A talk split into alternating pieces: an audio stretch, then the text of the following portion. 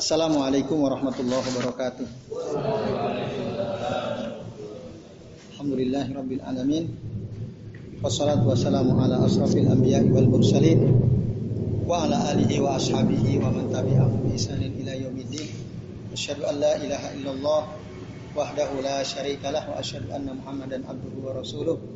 Allahumma salli wa sallim wa barik ala Muhammad wa ala ali Muhammad kama sallaita wa baraka ala Ibrahim wa ala ali Ibrahim fil alamin innaka Hamidum Majid. Rabbi israh li sadri wa yassir li amri wa hlul 'uqdatam min lisani yafqahu qawli amma ba'du. Bapak-bapak dan ikhwas sekalian rahimani wa rahimakumullah. Semoga kita semua yang hadir di majelis ini senantiasa dirahmati Allah Subhanahu wa taala. Amin ya Allah ya mujibas sa'ilin. Alhamdulillah pada malam hari ini sampailah kita pada bagian terakhir ya. Pembahasan terakhir bab atau kitab e, Nawakidul Islam ya. Yaitu halaman 75 ya. Pembatal yang ke-10. Ya, dalam kitab ini ini merupakan pembatal terakhir. Ya. Baik, silakan dibuka halaman 75. Ya al-ashir yang ke-10 al-i'radu an dinillahi ta'ala. Berpaling dari agama Allah taala. La yata'allamuhu wa la ya'malu bihi. Enggan untuk mempelajari agama Allah ya, mempelajari Quran sunnah wala ya'malu bihi dan dia tidak mau mengamalkannya.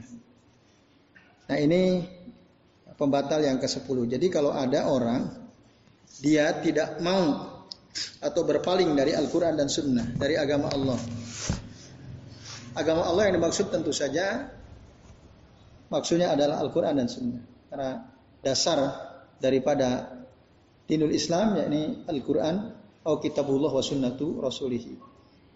Jadi orang yang dia tidak mau mempelajari Al-Quran, tidak mau duduk di majlis yang di dalamnya dibahas Al-Quran dan sunnah-sunnah Rasul Rasulullah Berarti dia berpaling. Dia ajak yuk kita ngaji yuk. Ah malas aku ngapain ngaji. Nggak penting. Duduk di majelis ilmu tidak penting. Mempelajari Quran Sunnah tidak penting. Nah itu i'rad. Apalagi ngamalin gitu kan. Mempelajarinya sudah nggak mau. Apalagi mengamalkannya. Nah maka orang yang seperti ini disebut kafiran menjadi kafir dia karena batal Islamnya dan disebut kufrun i'rad kufrul i'radi ya. Al kufru al i'radi. Kekufuran disebabkan karena dia berpaling dari Al-Qur'an dan Sunnah. Nah, ini Bapak-bapak dan ikhwas sekalian, azani Allah wa iyyakum. Tapi nanti i'rad itu ada dua macam ya. Yang tadi saya jelaskan itu disebut kufrul i'rad, kufrul i'rad. Sebagian ulama mengatakan, ini kata Syekh Abdul Razak Al-Badar ya, dalam sarahnya beliau. Uh, beliau mengatakan, ini sebagian ahlul ilmi ulama mengatakan, yang dimaksud i'rad ini berpaling dari agama Allah, berpaling dari mempelajari Quran Sunnah itu adalah Ida adu ma fil insani al aslul ladzi yadkhulu bihi fil Islam. Kalau dalam diri seorang manusia itu tidak ada ya, al aslul ladzi yadkhulu bihi fil Islam. Pokoknya, pokok ya, sesuatu yang pokok yang dengannya dia masuk dalam Islam wa aradu anhu bil. Lalu dia berpaling ya, secara menyeluruh. Dia tidak belajar dan tidak mengamalkan. La yata'allamu wa la ya'mal. Kama qala al-Imam Ibnu Qayyim al-Jauziyah rahimahullah. Ya, sebagaimana dikatakan oleh Ibnu Qayyim al-Jauziyah rahimahullah semoga Allah merahmati beliau Wa amma kufrul i'rad dan adapun kufur kekafiran yang uh, apa dalam bentuk berpalingnya dia dari Al-Qur'an dan Sunnah adalah wa ayyuridha bi sam'ihi wa qalbihi dia berpaling dengan pendengarannya dengan hatinya anir rasul dari rasul la yusaddiquhu wa la yukadzibuhu dia tidak membenarkan dia juga tidak mendustakan. Jadi kalau ada orang dia tidak membenarkan, dia tidak mendustakan. Wala yuwalihi wala yu'adihi. Dia tidak menolong dan dia tidak memusuhinya. Musuh Rasul maksudnya. Wala yusdi ila ma bihi albattah. Dan dia tidak mau mendengarkan sama sekali ya, apa yang dibawa oleh Rasulullah SAW. Nah ini disebut kufrul i'rad Kekafiran yang dilakukan dengan cara berpalingnya. Tidak mau peduli dengan Al-Quran dan Sunnah. Maka siapa yang keadaan seperti ini fahuwa kafir. Maka dia kafir. Kafir terhadap Allah, ya. kafir terhadap Rasul. Disebut kufur i'radin. Nah, adapun ada sebagian orang dia mungkin meninggalkan sebagian kewajiban. Ya, sebagian mungkin sebagian majelis ilmu yang penting dia tinggalkan, tapi sebagian kadang-kadang dia hadir kadang-kadang. Nah, maka orang seperti ini tidak sampai pada batas kekufuran. Ya. Atau kadang-kadang dia meninggalkan ya, sesuatu yang penting yang dianjurkan kadang-kadangnya. Nah, tapi kadang-kadang dia juga melakukan. Nah, saat males dia enggak melakukan. Tapi pas muncul moodnya, dia melakukannya sesuatu yang dianjurkan. Nah, maka orang seperti ini dia tidak termasuk yang batal keislamannya, tidak. Ya. Tapi wahwa fi maksiatin dia dalam kemaksiatannya. Dia tahu ada sesuatu yang baik tapi dia tidak tidak ambil ya. Nah ini. Nah itu yang perlu diketahui. Jadi ada dua hal yang uh, satu dia termasuk kafir karena keberpalingannya, yang satu tidak ya karena kadang-kadang dia malas, kadang-kadang dia uh, melakukan. Nah, ini bapak-bapak dan ikhwas sekalian, azani Allah wa Nah, di antara dalil yang menjelaskan masalah ini yang dikutip oleh muallif ya si penulis kitab ini yaitu Syekh uh, Muhammad bin Abdul Wahab rahimahullah yaitu dalam surah As-Sajdah ayat 22. Allah Ta'ala berfirman, Waman azlamu mimman zukkira bi ayati rabbih. Adakah orang yang lebih zalim ya, daripada orang yang ketika diingatkan dengan ayat-ayat Tuhannya, summa a'rada Kemudian dia berpaling dari ayat-ayat Allah itu, inna minal mujrimina muntakimun. Sesungguhnya kami akan memberikan pembalasan kepada orang-orang yang berbuat dosa. Al mujrimun nah itulah orang-orang yang a'rada ya an ayatillah atau an ayati rabbi. Itu salah satu di antara dalilnya. Maka dia akan dibalas oleh Allah taala dan dia dianggap sebagai orang yang paling zalim. Ya. Kemudian dalam kitab syarah yang ditulis oleh Syekh Saleh bin Fauzan Al-Fauzan belum menyebutkan banyak sekali dalil-dalil lain. Misal disebutkan dari surah Al-Ahqaf ayat 3. Walladzina kafaru amma unziru mu'ridun. Dan orang-orang kafir itu orang-orang yang kafir terhadap apa yang diperingatkan kepada mereka, mereka berpaling. Nah, itu kafir walladzina kafir orang-orang kafir itu adalah ya, amma unziru mu'ridun yang berpaling dari apa yang diingatkan. Mereka diperingatkan, saya kita ingatkan dengan ayat Quran, kita ingatkan dengan hadis Rasul Sallallahu Alaihi Wasallam. Tapi mereka mu'ridun, berpaling dari peringatan tersebut. Nah ini orang kafir, alladzina kafir. Itu dalilnya ya di antaranya. Jadi kalau ada orang kok berpaling dari Quran dan Sunnah, nggak mau mempelajarinya, apalagi memalkannya, nah dia termasuk alladzina kafir. Kemudian dalam ayat yang lain disebutkan juga Wa idza lahum apabila dikatakan kepada mereka ta'alau kemarilah kalian ila ma anzalallah ya, menuju kepada apa yang Allah telah turunkan yaitu Al-Qur'an wa ila rasul dan kembalilah kepada rasul yaitu sunnah ra'aital munafiqin yasudduna angka sududa tapi engkau melihat orang-orang munafik ya, menghalang-halangi engkau dengan sungguh-sungguh gitu. Nah, orang munafik itu menghalang-halangi Rasul dan para sahabat. Ketika disuruh untuk ikut Al-Quran, ikut sunnah. Mereka nggak mau. Nah, ini. Lalu apa bahayanya kalau dia ada orang berpaling dari Quran Sunnah, dia nggak mau mempelajari Quran, mempelajari Sunnah. Ya. Tidak senang dia gitu. Kalau ada majelis ilmu dia tidak senang. Apalagi hadir belajar dia nggak senang. Maka dijelaskan oleh Allah dalam surah Az-Zuhruf ayat 36. Wa may ya'su. Nah, barang siapa yang berpaling an rahman dari ya mengingat Allah ini maksudnya Alkitab Al-Qur'an ya Alkitab Al-Qur'an nuqayyid lahu syaitana fa huwa lahu karim kami akan menjadikan untuknya ada syaitan dan syaitan itu akan menjadi teman dekat dia yang selalu ya, mendorong dia melakukan keburukan melakukan sesuatu yang diharamkan dan mendorong dia untuk meninggalkan sesuatu yang diperintahkan. Nah, jadi Allah akan jadikan bagi orang-orang yang berpaling dari kitab Allah, dari sunnah Rasulullah, syaitan yang senantiasa membersamai dia. Kan ngeri itu. Jadi dia dikendalikan oleh syaitan. Siapa man ya'su an dzikrir rahman? Orang yang berpaling, zikrul rahman di sini sebagian mufasir menjelaskan maksudnya adalah Al-Qur'an. Al-Qur'an kan azikr, Al-Qur'an azikr. Nah itu bapak-bapak dan ibu-ibu dan hadis sekalian. Ya. Kemudian lebih tegas lagi kita bisa buka dalam surah Toha ayat 1, 23 sampai ayat 126.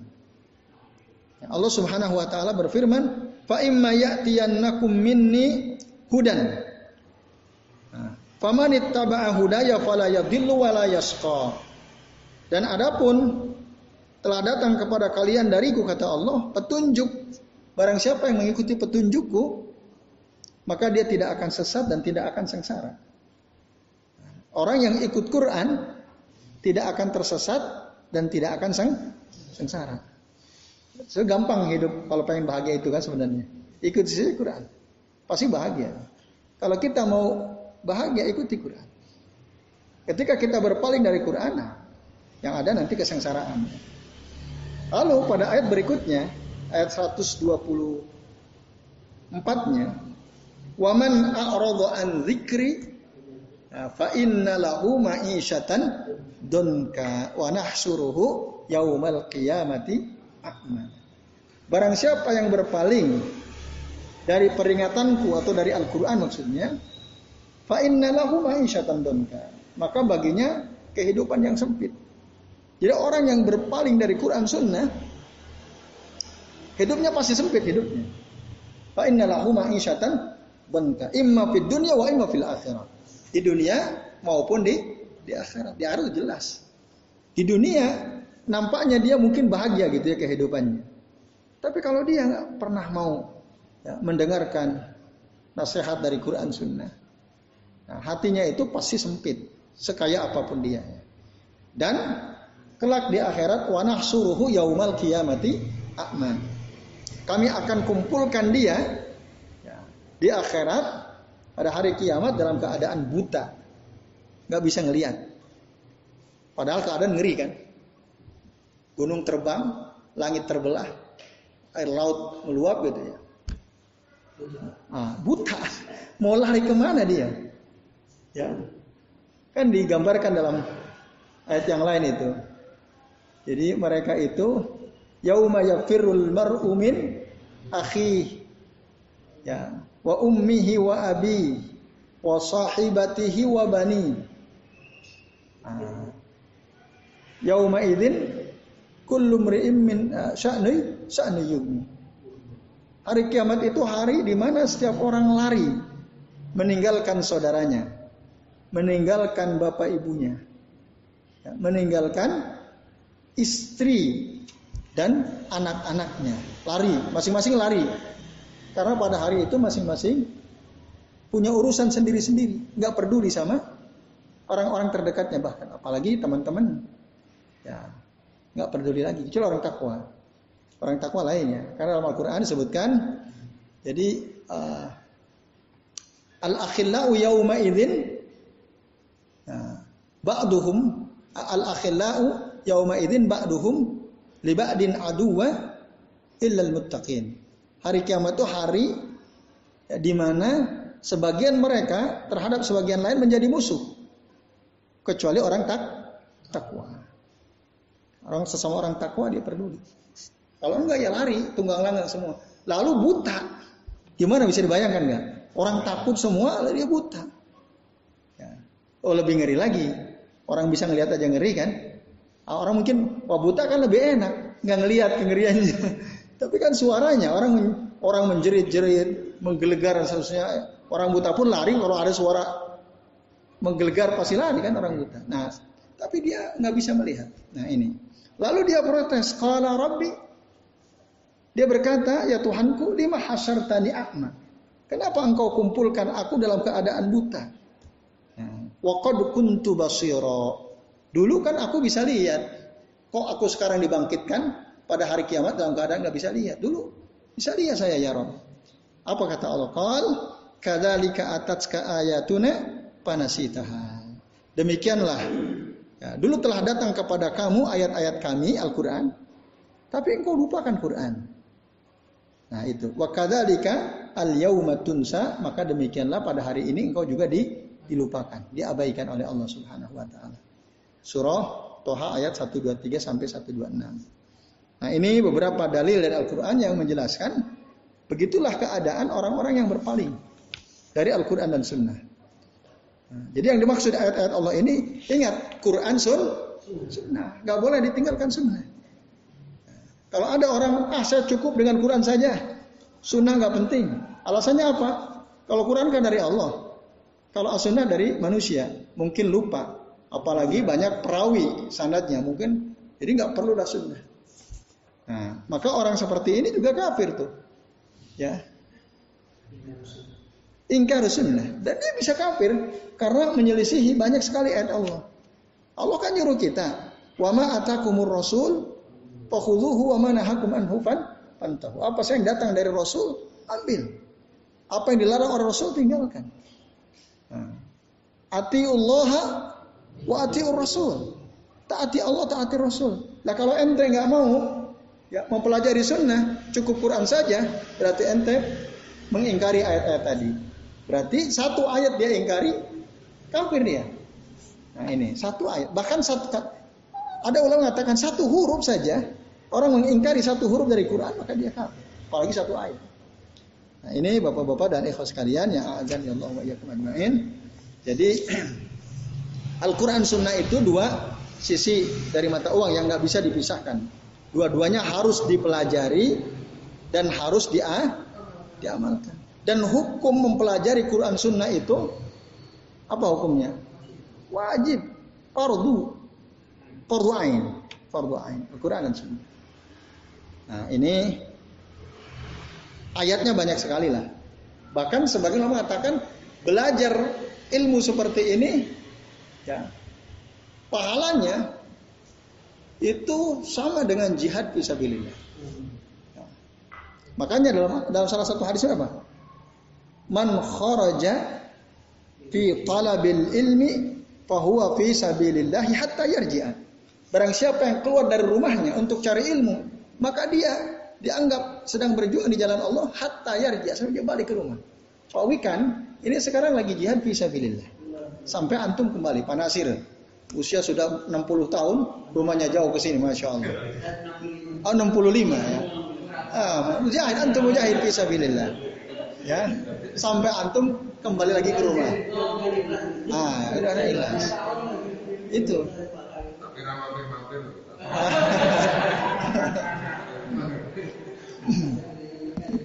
Gak apa-apa mampir.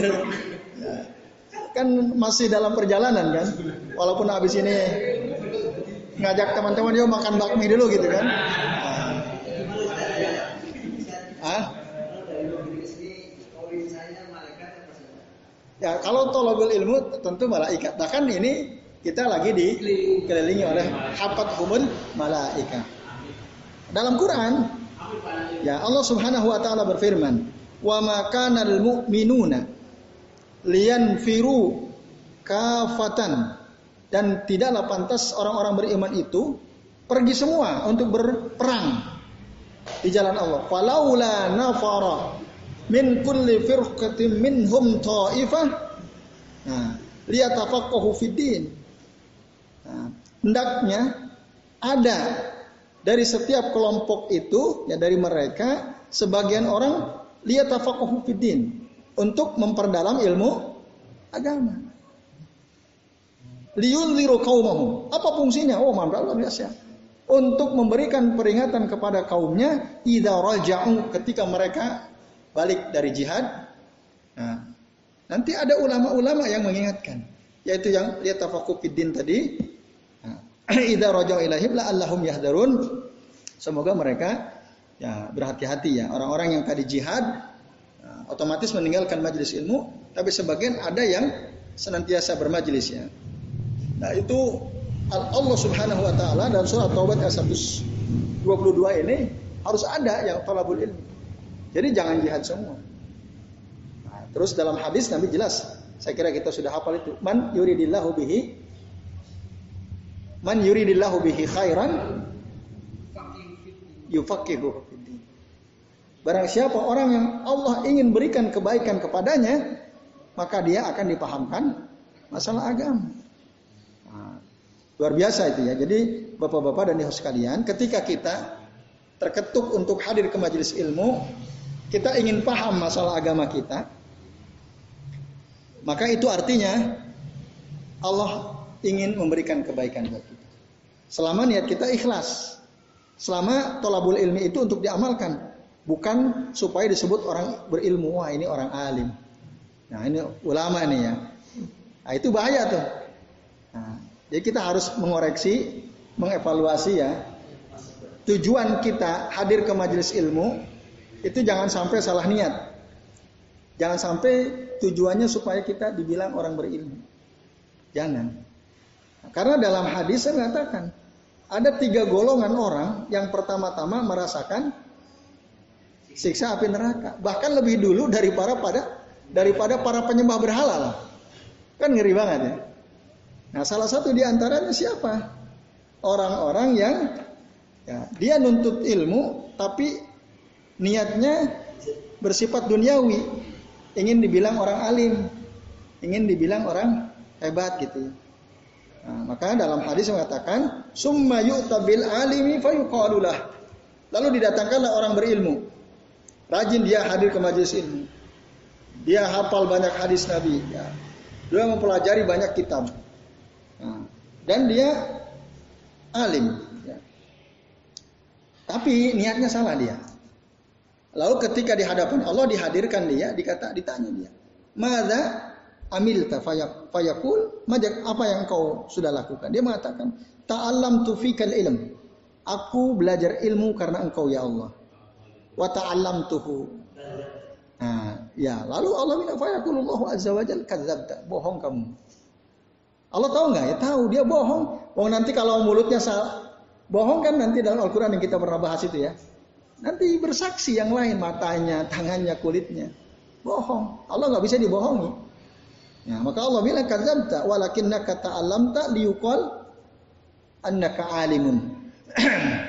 Tetapi engkau belajar itu supaya engkau dibilang engkau orang alim. Ya, waqad kil ayushabu ilan nar. Dan kau pun dikatakan oleh orang, oh si Fulan ini alim. Dia orang berilmu. Oh dia sering hadir ke majelis ilmu. Dia ngerti ini dan itu seterusnya. Dia telah belajar kitab ini dan itu. Orang alim, orang semua bilang seperti itu. Oh, dia udah puas, dia dia akan dapatkan. Kita akan mendapatkan hal itu kalau kita salah ya. Tapi nanti di akhirat, nah, oleh Allah dibilang bohong kamu, payus habu ilan nar, lalu dia akan diseret dan dilemparkan ke dalam neraka. Itu ya. Asal satunya itu. Yang kedua nanti ahlu sodako, orang sodako karena Arya ingin dibilang dermawan dan yang satunya lagi mujahid ya orang yang berperang jalan Allah tapi supaya dibilang berani supaya dapat gelar kepahlawanan seterusnya. Nah, maka hati-hati ya bapak-bapak dan ikhwas sekalian azani Allahu Nah, itu ya. Terus Jadi amal ilmu Al-Quran dan Sunnah harus dipelajari dan harus diamalkan. Jangan sampai kita punya ilmu tapi tidak jadi amal. Nah ini bahaya juga ya. Orang zaman sekarang begitu. Ilmunya ya dia kumpulin banyak tapi amalnya kurang ya. Nauzubillah ya. Dan kita semua potensial untuk menjadi orang-orang seperti itu ya. Orang berilmu tapi amalnya kurang kan. Nah, semoga Allah lindungi kita dari keadaan seperti itu. Karena, karena lebih ngeri lagi orang berilmu yang tidak beramal itu lebih dahsyat hukumannya daripada orang jahil yang tidak beramal. Orang jahil tidak beramal karena dia jahil, nggak punya ilmu. Nah kita orang yang misalnya sudah tahu tapi kita tidak amalkan, aduh ngeri banget ya. Yang yang jahil, ya hisap lebih ringan tentu. Orang yang berilmu lebih berat tadi. Nah itu. Nah maka tantangan orang yang sudah rajin hadir di majelis ilmu adalah bagaimana supaya jadi amal gitu ya. Gimana?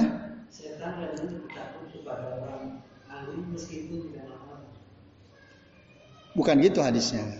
Ya. Uh, naumatul alimi asadu ala syaitan min ibadatil ubal. Tidurnya orang berilmu itu lebih ditakuti oleh syaitan daripada ibadahnya orang yang tidak berilmu. Tidurnya, bukan tidak beramal. Kenapa kok syaitan lebih takut pada tidur orang yang berilmu? Karena pakai amal ilmu apa? Tidurnya pakai amal. Itu bukan orang yang berilmu tidak beramal. Nah ini bahaya sekali itu. Ya kalau kalau kali setan lebih takut kepada orang berilmu meskipun tidak beramal. Nah, itu bahaya.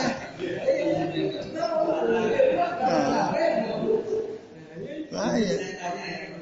Ya.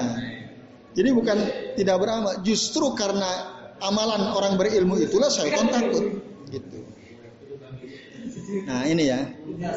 Coba berapa banyak ilmu yang kita sudah tahu yang kita tidak amalkan. Itu kalau dihitung mungkin banyak banget kan. Kita udah pernah tahu, udah sampai ke telinga kita, walaupun mungkin gak dicatat. Tapi kan ingat-ingat gitu ya. Nah kalau ditanya hadisnya apa lupa, tapi kita ingat gitu. Lalu nggak diamalin, padahal kita ingat. Ya, mau tidur, ilmunya apa saja kan gitu. Mau tidur, ilmunya apa saja. Meskipun mungkin ada yang beralasan, itu kan sunnah. Itu kan. Nah, justru ah, karena itu sunnah harusnya kita semangat mengamalkan. Nah ini ya bapak-bapak dan ibu-ibu sekalian.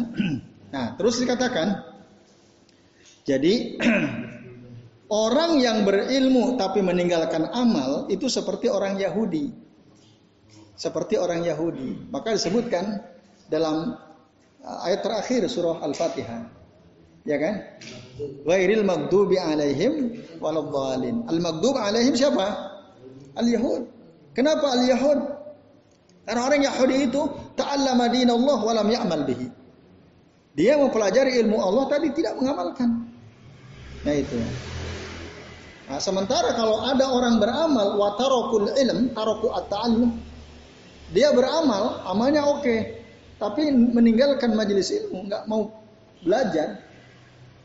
Nah, orang ini sama dengan orang Nas Nasrani, yaitu ad-dallun, orang tersesat beramal tanpa ilmu. Ilmu makanya al ilmu qoblal amal. Ilmu dulu sebelum ah, amal. Tapi ada sebagian orang di sini sebutkan kata saya soleh. Ada sebagian orang yang mirip orang Nasrani ya, yaitu orang sesat. Mereka beribadah. Tapi ala jahlin wa dhalalatin. Berdasarkan kebodohan dan kesesatan, la ya'budunallaha mereka tidak menyembah Allah ala ilmin berdasarkan ilmu. Lalu mereka bilang apa? Ta'allumal ilma yu'awwiku anil amal. Belajar ilmu itu ya, menghalang-halangi jadi penghalang untuk beramal. Jadi nggak usah belajar, yang penting amal. Ini. Nah, yang ngomong begini siapa? Al mutasawwifah ya, orang-orang sufi. Jadi mereka bilang nggak usah beramal. Kenapa? Karena idza amilta, kalau kamu beramal, fa innal ilma ya'tika tilqaiyan bila ta'allumin katanya. Kalau kamu beramal, ilmu itu akan datang kepadamu. Dengan beramal itulah fa innal ilma ya'tika. Sesungguhnya ilmu akan datang kepadamu tilqaiyan bila ta'allum langsung, nggak usah belajar. Nah, itu kata mereka. Nah. Lalu bi an yabtah ala qalbika hatimu akan dibuka wa ya'tikal ilmu ilmu akan datang kepadamu fa innal ilma uh, uh, uh, wa ya'tikal ilmu duna an tata'allama alal ulama akan datang kepada engkau ilmu tanpa harus belajar kepada ulama. Yang penting amal nanti akan datang sendiri ilmu. Nah, katanya fahada kaulu as-sufiyah qadiman wa. Ini perkataan orang sufi yang dulu maupun yang sekarang begitu mereka. Maka mereka enggan belajar ilmu, yang penting belajar amal. Ilmunya dalilnya mana? Dari Al-Qur'an Sunnah, enggak penting. Yang penting ber beramal. Nah, orang seperti ini termasuk ya hadza dhalalun wal iyadu billah. Ini kesesatan dan kita mohon perlindungan kepada Allah Subhanahu wa taala. Padahal Nabi mengatakan dalam hadis riwayat Abu Darda radhiyallahu anhu yang disebutkan oleh Imam Al-Bukhari dalam kitab sahihnya secara uh, muallak apa kata Nabi? Innamal ilmu bita'allum. Ilmu itu ya sesungguhnya bisa didapatkan dengan be belajar. Kalau nggak belajar kayak gini, ya kapan kita dapat ilmu? Nggak mungkin, harus dipelajari. Kitabnya kita pelajari, duduk di majelis ilmu. Dari itulah wasilah sarana untuk mendapatkan il, ilmu. Innamal ilmu bitta'allum. Itu kata Nabi. Ya. Bapak-bapak dan ikhwas sekalian, azani Allah wa iyyakum ajmain ya. Jadi harus dipelajari. Kalau enggak, memang ada hadis yang disebutkan dalam beberapa kitab ya, termasuk dalam uh, tafsir Al-Baydawi. ada hadis yang berbunyi uh, man amila bima alima allamahullahu bima lam ya'lam. Man amila bima alima. Barang siapa yang mengamalkan ya, sesuatu yang dia sudah ketahui, Allamahullahu bima lam ya'lam. Allah akan ajarkan kepadanya sesuatu yang dia nggak tahu. Itu yang kemudian disebut dengan ilmu laduni. Ilmu laduni itu ilmu yang datang langsung dari Allah. Tapi ingat kata-kata, walaupun hadis ini oleh para ahlul hadis ya di dibahas nih hadisnya kuat atau tidak, kokoh atau tidak. Tapi seandainya ini hadis sahih seandainya, coba perhatikan, man amila bima alima. Kan itu. Barang siapa yang beramal dengan apa yang dia ketahui, yang dia ilmui. Harus kalau kita ingin dapat ilmu langsung dari Allah harus punya ilmu dulu. Lalu kita amalkan ilmu itu, lalu Allah akan berikan ilmu pada kita. Jadi ada proses belajar dulu, lalu kita amalkan ilmu yang kita sudah ketahui. Nah dari situlah Allah akan berikan ilmu. Seandainya hadis ini sahih ya, maka begitu kesimpulannya. Jadi tidak meninggalkan belajar sama sekali. Nah ini bapak-bapak dan ikhwas sekalian, azani Allah wa ajmain. Nah, maka intinya berdasarkan poin yang terakhir ini, seseorang itu harus belajar ilmu dari Quran Sunnah, lalu kemudian dia harus berusaha untuk mengamalkannya, ya, bukan hanya sekedar belajar, tapi dia harus mengamalkannya. ya ini. Nah, tadi kalau ada orang tanya, Kok bisa ya orang berilmu itu dicelupkan ke dalam neraka dulu sebelum para penyembah berhala? Maka jawabannya laisa man ya'lam kama kama la ya'lam. Orang yang tahu itu tidak sama dengan orang yang tidak tahu. Artinya orang yang tahu itu ya lebih lebih dahsyat itu. Maka itulah yang duluan merasakan siksa api neraka. Nah, ini Bapak-bapak dan ikhwas sekalian, azani Allah wa ajmain. Nah, lalu kemudian disebutkan contoh-contoh orang yang berpaling dari dari Quran Sunnah. Gambarannya. Nah, di antaranya adalah orang-orang yang man yarfudud dalil wa qabul al haqqi idza buyina lahu muhafadatan ala dini abahi abaihi au wa ajdadihi hamiyatan yaitu orang yang menolak dalil tidak mau menerima kebenaran. Ya. Ketika dijelaskan kepadanya dia nggak mau. Dalam rangka apa? Menjaga ya kebiasaan nenek moyangnya.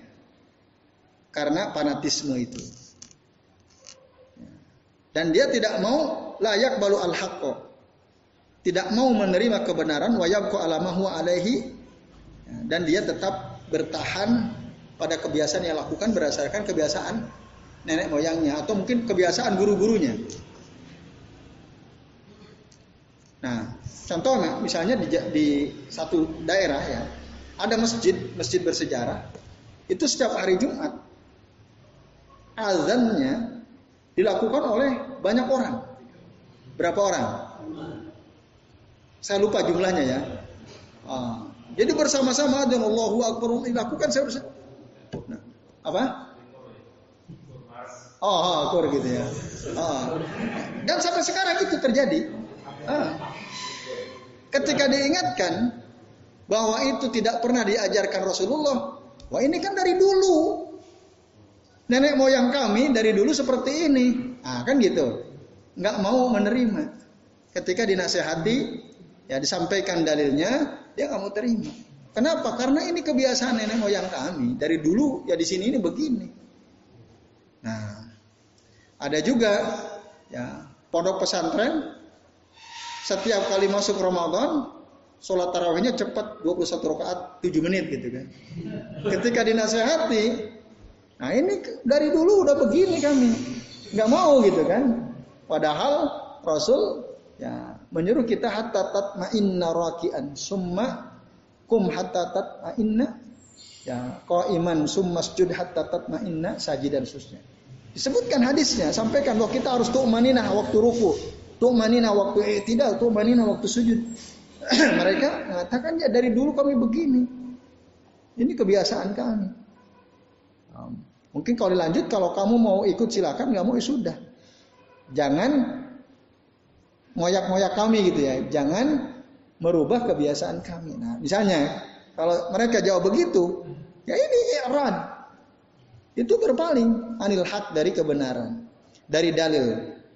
Nah, maka orang yang seperti ini ya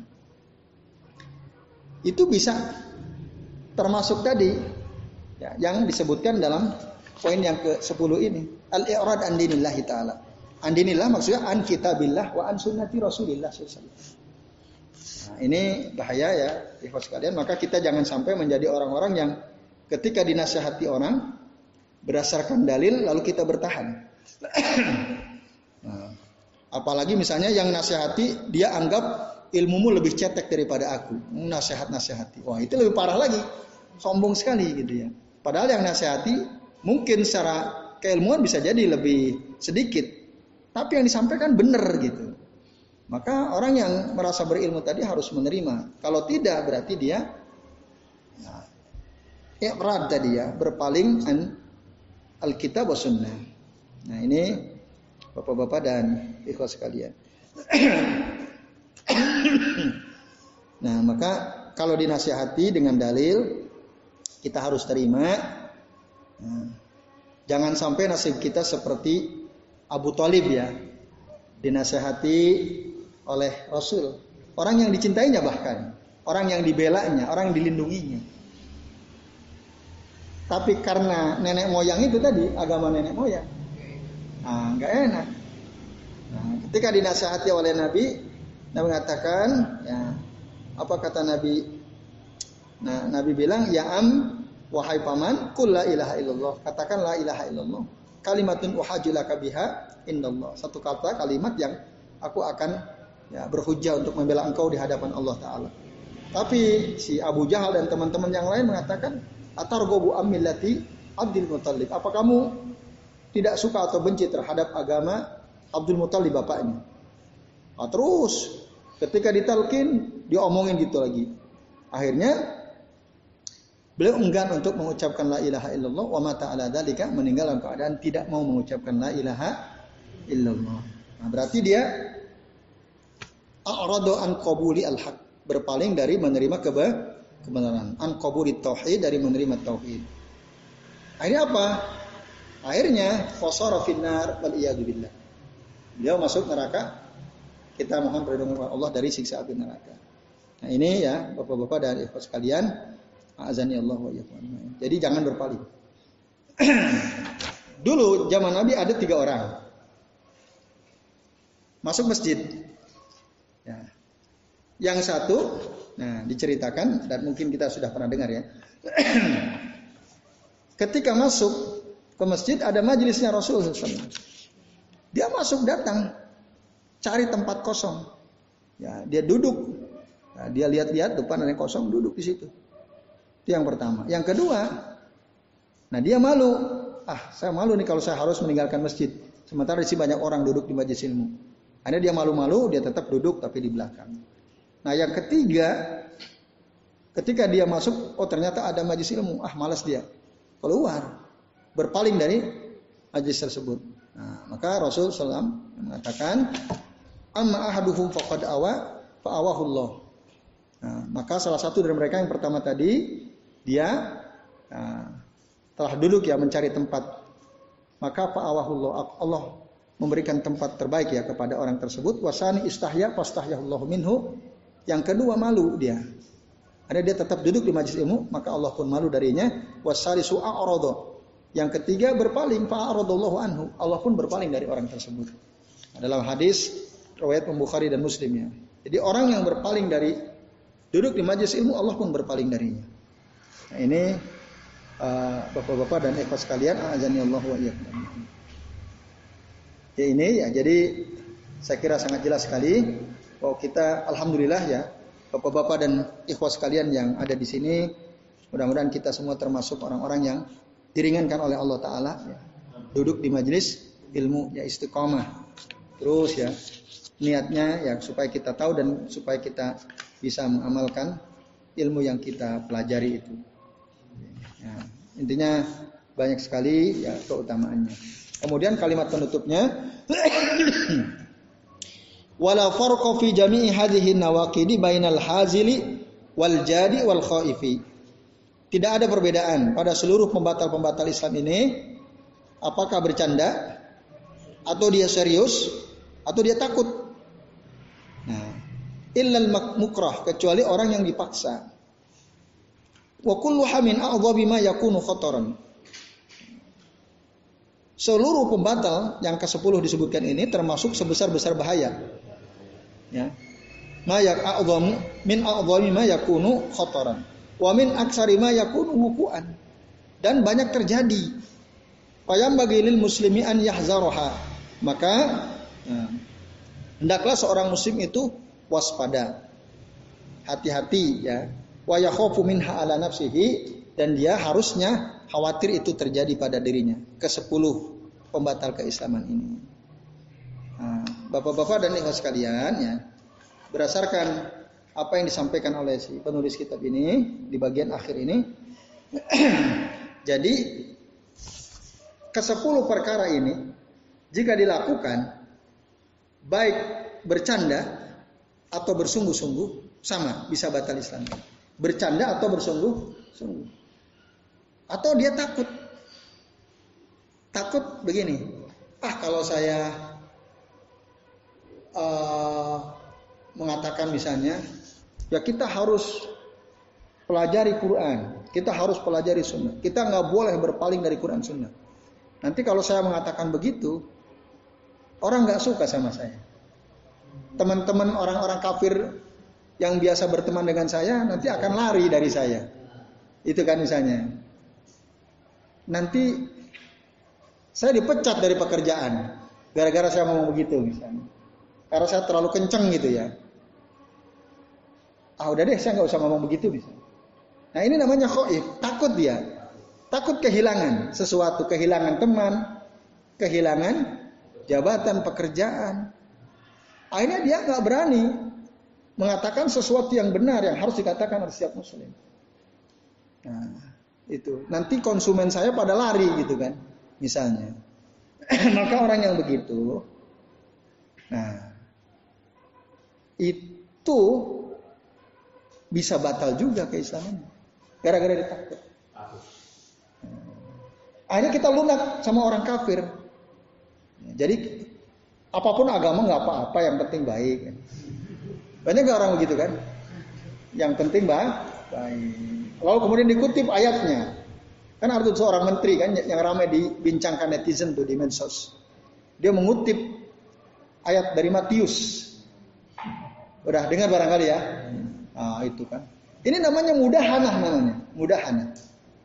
Mudahanah itu berlunak-lunak dengan orang kafir. Bahkan dia seakan-akan mengangkat derajat mereka dengan mengutip ayat-ayat yang sebenarnya nggak layak dijadikan sandaran oleh orang beriman harusnya.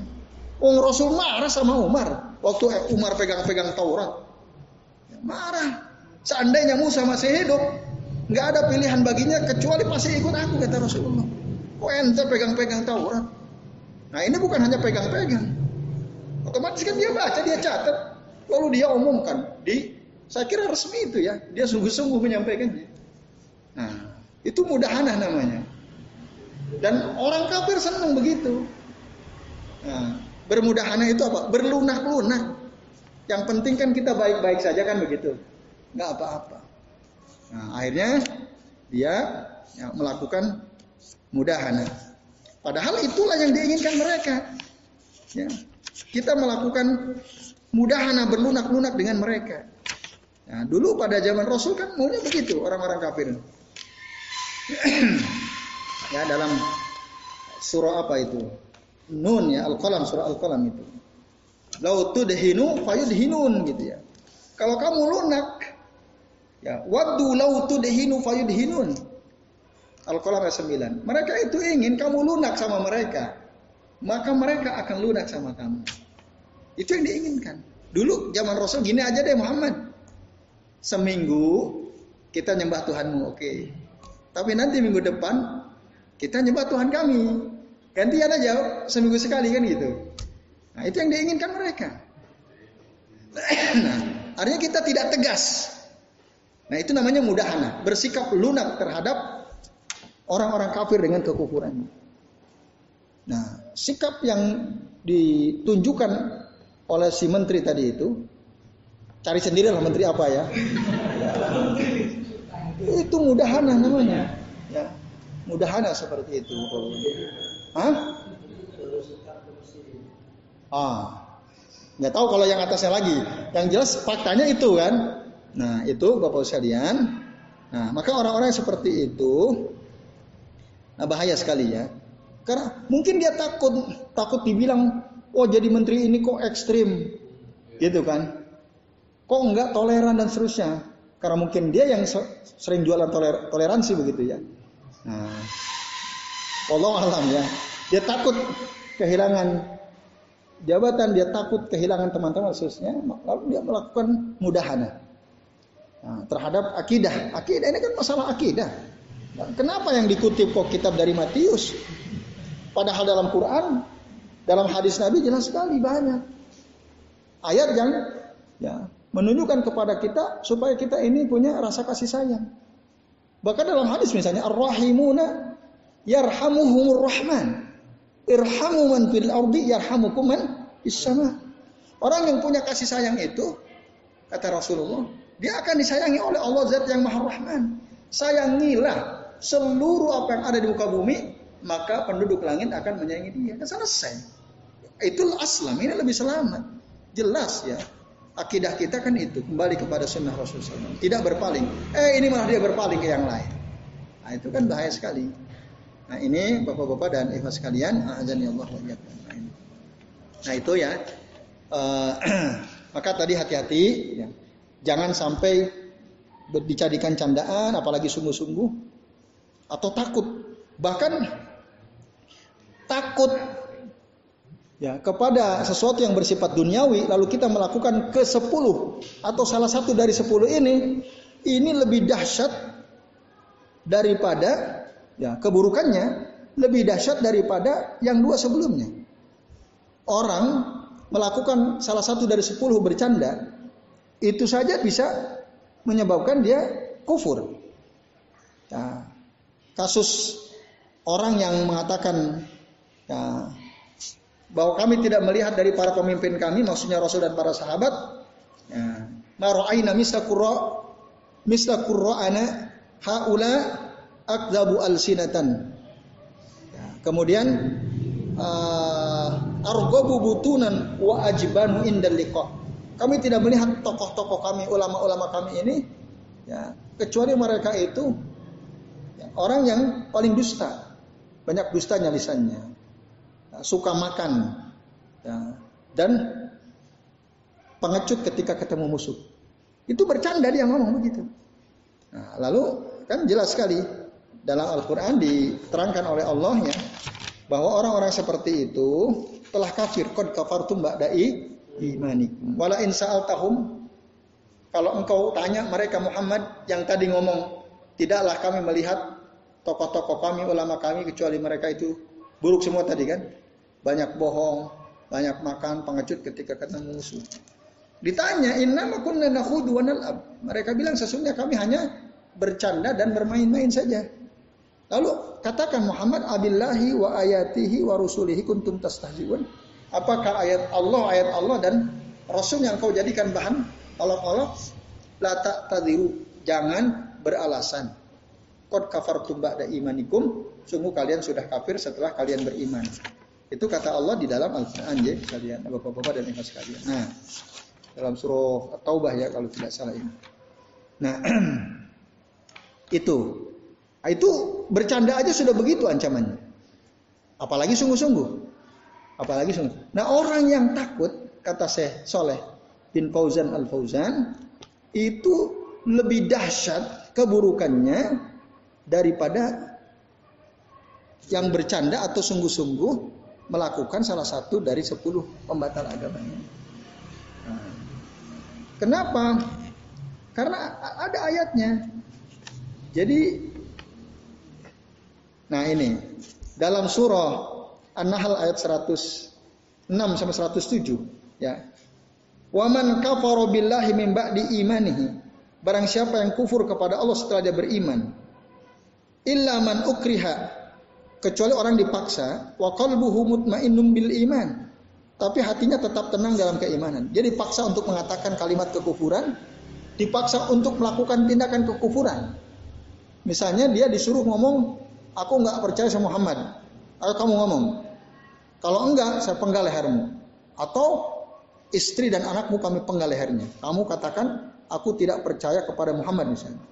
Dipaksa. Akhirnya daripada nanti isi anak saya dipenggal lehernya, udah deh, dia ngomong. Tapi waqalbuhu mutmainnun bil iman. Hatinya tetap tenang dengan dalam keimanan. Nah, orang yang seperti itu, ya, itu tidak ada masalah karena dipaksa. Walakin man saruha bil kufri sadra, tapi orang yang lapang dadanya melakukan kekufuran, fa alaihim ghadabu minallah. Maka atas mereka kemurkaan Allah, walahum adzabun azim. Bagi mereka adab yang besar. Dzalika nah, dzalika bi annahum istahabbul hayatad dunya 'alal akhirah. Hal itu dilakukan karena mereka mencintai kehidupan dunia daripada kehidupan akhirat Wa annallaha la yahdil qaumal kafirin dan sesungguhnya Allah tidak akan memberi petunjuk kepada orang-orang kafir. Kafir dia. Jadi ada orang melakukan, eh, tindakan kekufuran karena dia cinta dunia. Cinta jabatan. Cinta harta. Cinta ah macam-macam ya. Nah, intinya dunia. Ah, itu nah, lebih ngeri gitu ya. Itu itu dasarnya. Maka jangan sampai ya karena takut kehilangan teman, takut kehilangan jabatan, takut kehilangan dunia, lalu kita bersikap lunak dalam masalah akidahnya. Lalu kita melakukan salah satu dari sepuluh perkara ini. Karena khawatir tadi kehilangan dunia. Nah ini bapak-bapak dan ikhwas sekalian ya. Jadi itu bahaya sekali. Nah, kemudian Uh, maka itu sangat bahaya dan banyak terjadi. Kita harus hati-hati. Kemudian yang bagi lil muslimin, lil muslimi ay yahdharu hawa yakhufu minha ala nafsi. Bagi setiap muslim wajib dia waspada dan takut itu terjadi pada dirinya. Nauzubillahi min mujibati godobihi wa alimi iqabihi. Kita berlindung kepada Allah ya, dari mujibati godobihi. Ya, dari sebab-sebab yang bisa mendatangkan kemurkaan Allah wa alimu iqabihi dan kepedihan siksaannya. Nah, itu Syekh Muhammad bin Abdul Wahab berdoa ya, uh, semoga Allah melindungi kita ya dari keburukan tadi, keburukan murka Allah dan kepedihan hukuman dari Allah Subhanahu wa taala. Wa sallallahu wasallama ala khairi khalqihi Muhammadin wa alihi wa sahbihi ajmain. Nah, semoga Allah senantiasa mencurahkan kesejahteraan, keselamatan kepada makhluk yang terbaik yaitu Nabi Muhammad, kepada keluarganya dan kepada para sahabatnya seluruhnya. Nah, alhamdulillah uh, Bapak-bapak dan Ibu sekalian, selesai sudah ya penjelasan kitab Nawakidul Islam ya, pembatal-pembatal keislaman. Semoga bermanfaat ya. Nah, sebelum kami akhiri, ini udah jam 10 lewat ya. Ya barangkali ada yang mau bertanya, kami persilahkan.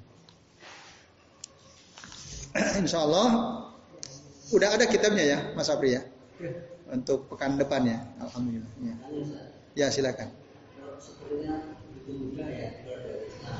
Ah. Hmm. Hmm. Tapi seperti kontradiksi dengan satu ayat yang saya dapat Hmm, gimana tuh? Hmm. Terus? Lasta mu'minah. Jangan kau nyatakan dia kufur, tidak mukmin ya. Hmm. Selama dia masih ketemu Anda mengucapkan salam. Hmm. Sepertinya kontradiksi dengan Hmm, oke. Okay. Oke, okay, baik baik. Ah, padahal ketika dia mengucapkan salam aja kita nggak boleh gitu ya. Ah. Coba ul ulangi. Kita lihat ya ininya. Liman alqa alaihi salam gitu ya. Liman alqa alaihi surah. Oh, sur, itu surah An-Nisa ayat ayat 94 ya. Surah An-Nisa. Iya, bukan Al-Hujurat. Nah, di situ ada kata-kata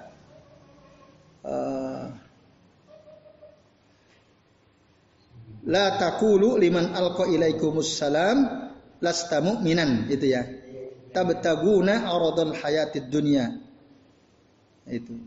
Ya ayyuhalladzina amanu idza darabtum fi sabilillah fatabayyanu wala taqulu liman alqa ilaikumus salam lasta mu'minan tabtaguna aradal hayatid dunya fa indallahi maghanimu katsira kadzalika kuntum min qablu faman Allahu alaikum fatabayyanu innallaha kana bima ta'maluna khabira An-Nisa ayat 94 Nasir. Jadi wahai orang beriman apabila kamu pergi berperang di Allah maka telitilah Carilah keterangan dan janganlah kamu mengatakan kepada orang yang mengucapkan salam kepadamu, kamu bukan seorang yang beriman. Ini larangan dari Allah ya. Kalau ada orang mengucapkan salam, maka jangan dikatakan kamu bukan orang beriman, lalu kamu membunuhnya. Nah, dengan maksud nah ini, dengan maksud mencari harta benda kehidupan dunia. Itu. Nah, jadi ini ada orang perang, dengan orang kafir. Lalu orang kafir itu mengucapkan salam. Nah, lalu kita langsung bunuh gitu ya. Tujuan kita bunuh, nah, pokoknya dia kan diketahui kafir. Ketika dia ngucapin salam, yang lain nggak tahu kan, yang tahu cuma saya. Udah bunuh aja. Supaya apa? Dapat harta rampasan perang. Itu jadi poinnya di situ ya. Dengan maksud, nah dengan niat supaya uh, mencari harta benda kehidupan dunia. Maksudnya itu, yang dilarang itu ketika ada orang bunuh orang kafir, padahal udah ngucapin salam, kita tetap bunuh. Maksudnya apa? Ingin dapat harta rampasan perang. Itu yang dilarang niatnya. Nah, poinnya bukan mengucapkan salamnya, bukan pada mengucapkan salam, tapi pada niatnya. Nah, pada niatnya, gitu. Boro-boro ngucapin salam gitu ya. Orang kafir kalau sudah minta ampun, udah maaf, menyerah, ya itu kan nggak boleh dibunuh meskipun dia nggak mengucapkan salam.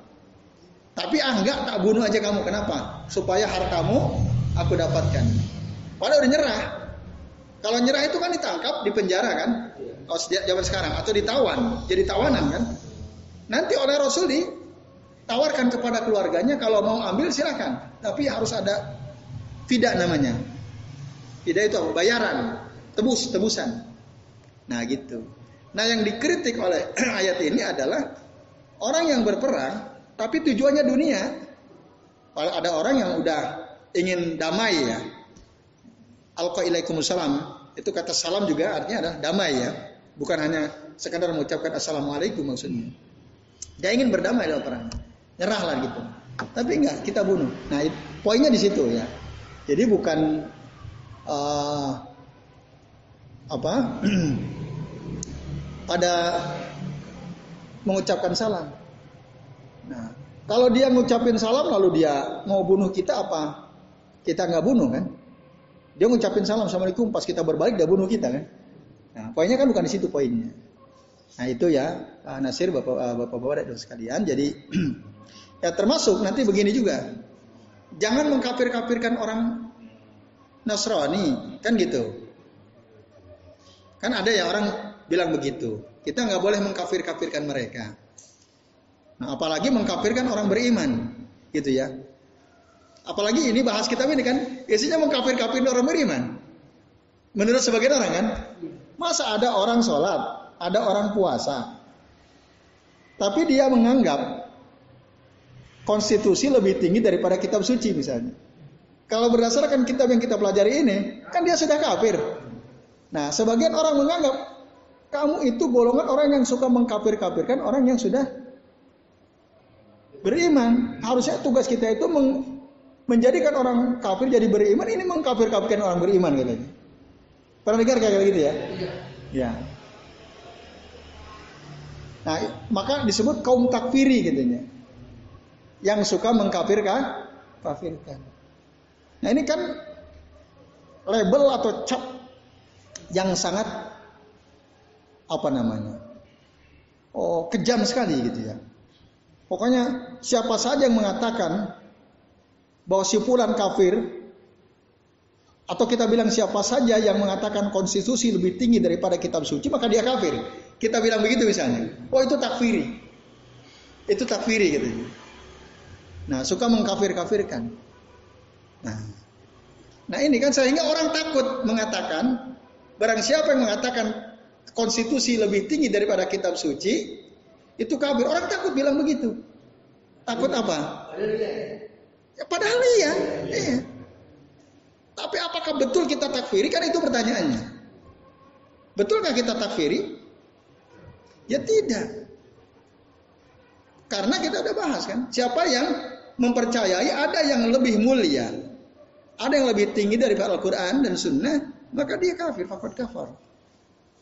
Padahal kan jelas ayatnya. Waman asdaku minallahi gila. Apakah ada orang yang lebih benar perkataannya daripada Allah? Kan gitu. Enggak ada artinya. Eh kok kita bilang ada yang lebih tinggi, berarti kan lebih benar dari Allah kan? Konstitusi, konstitusi yang buat siapa? Manusia. Berarti perkataan manusia lebih tinggi nilainya daripada Allah kan? Para Nabi sendiri dalam Al-Quran tadi jelas. Waman asdaku minallahi gila. Rasul mengatakan, Inna khairal kalami kitabullah. Sesungguhnya sebaik-baik perkataan adalah kitab Allah. Kok ada orang yang berani? Berarti dia berani dan mengatakan konstitusi di atas kitab suci. Satu dia mengingkari ayat Allah, yang kedua dia mengingkari sunnah Rasul. Nah, itulah sebabnya kenapa kita katakan siapa saja yang bilang begitu kita nggak nunjuk hidungnya ya. Maksudnya kita nggak sebut nama kan siapa saja. Nah, barang siapa umum. Tapi kalau kita sebut Pak Fulan disebut namanya bin Fulan, ya, jabatannya ini dan itu dia kafir. Nah ini hati-hati kalau ngomong gitu. Emang kalau bisa diusahakan jangan gitu. Hmm. Nah, itu kafir takyin namanya. Takfir takyin mengkafirkan person gitu ya. Kita tunjuk namanya, sebut jabatannya, orang tahu oh, berarti si fulan. Oh kita bilang dia kafir. Itu nggak boleh. Walaupun dia dia mengatakan konstitusi berada di atas kitab suci misalnya. Orangnya jelas gitu ya. Kita sebut namanya, kita sebut jabatannya dia kafir. Apa alasannya? Karena dia ngomong begini-begini, itu nggak boleh. Paham ya?